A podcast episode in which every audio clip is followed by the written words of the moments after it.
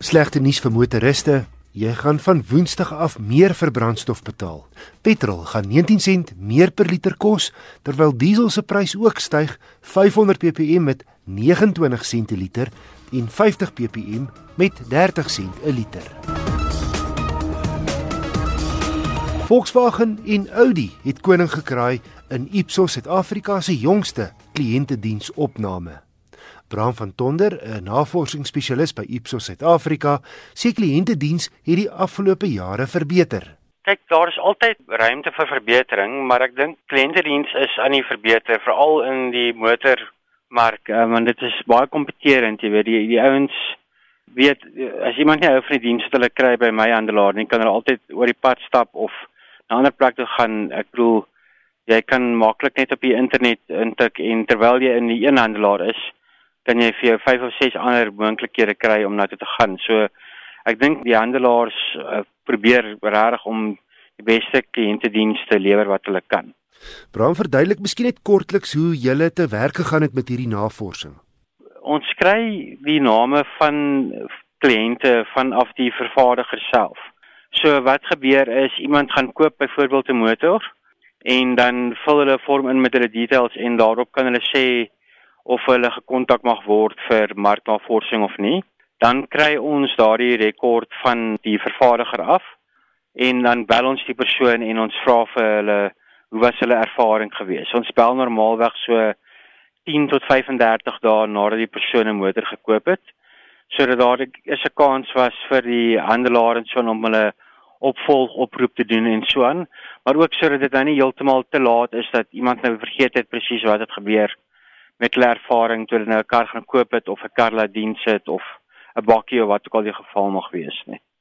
Bram net volledigheidshalwe, julle sluit die meeste fabrikate in, maar julle navorsing kyk nie na Chinese en Indiese voertuie nie, is ek reg? Dit is korrek. Die deelname van vervaardigers is heeltemal vrywillig. So ons kan niemand forceer om deel te neem aan die navorsing wat nie wil deelneem nie. Maar wat ek wel kan sê is dat die vervaardigers wat deelneem uh, aan ons studie verteenwoordig meer as 3 uit elke 4 motors wat in Suid-Afrika verkoop word deur 'n handelaar.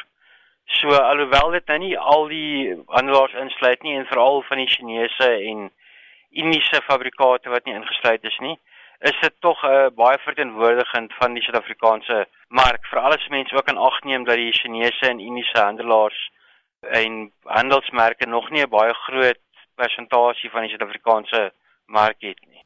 Jy het spesifiek gekyk na die koop en die dienservaring van voertuie. Watter passasiersmotors het uitgestaan?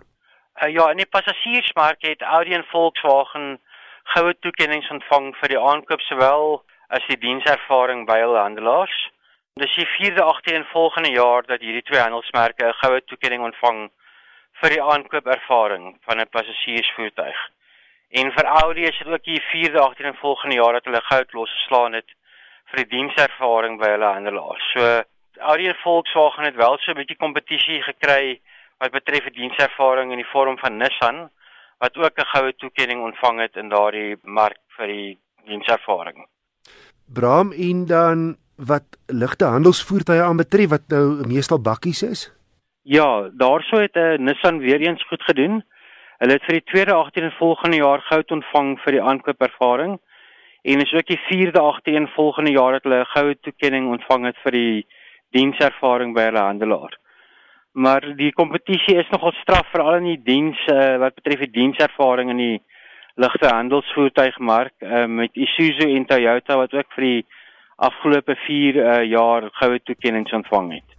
Bram van Tonder, 'n navorsingsspesialis by Ipsos Suid-Afrika. Mitsubishi se nuwe Triton is vroeër vanjaar plaaslik bekend gestel. Nogal 'n aantreklike dubbeltjie uitpakkie met 'n skouerlyn wat van voor oploop na agter. En daai omstrede heellyn van die vorige model, dis nou die lyn waar die kajuit en die bakgedeelte ontmoet, is nou heelwat minder prominent. Ek het die top handrat model gery, die 4-trek 2.4 turbo diesel teen R540 000. Sleetlose oop en toesluit is welkome luukse en die syspieels vou outomaties in wanneer jy die voertuig toesluit. En dan ook met die druk van 'n knop sleutellose aansluiting. Ander Lexus sluit in leer op die gemaklike sitplekke waarvan die bestuurdersin elektries verstelbaar is. Die stuur kan nie net op en af nie, maar ook in en uitstel.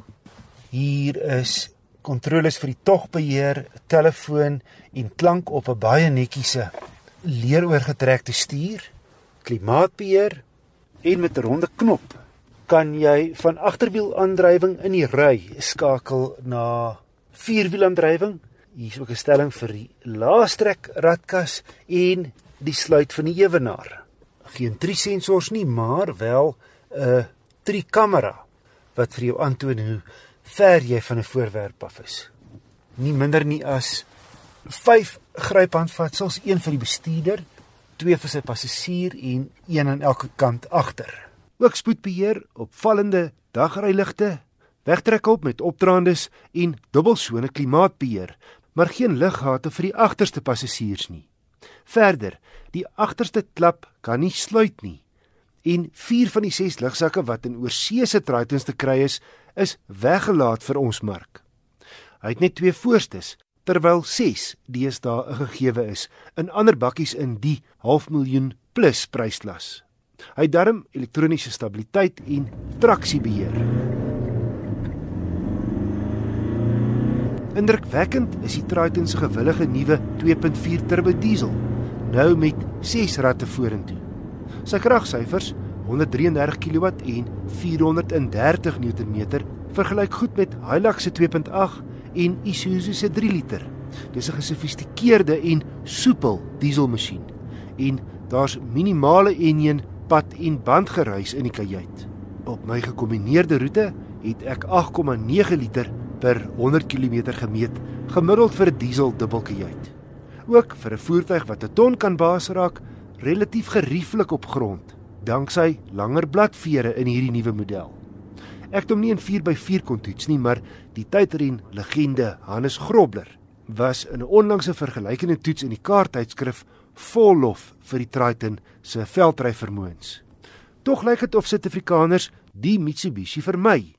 Ek moes twee keer kyk. 'n Skrale 40 Tritons is verlede maand plaaslik verkoop. Vergelyk dit nou met die Isuzu, byna 1200, die Hilux byna 3200 en die Ranger meer as 3300 eenhede.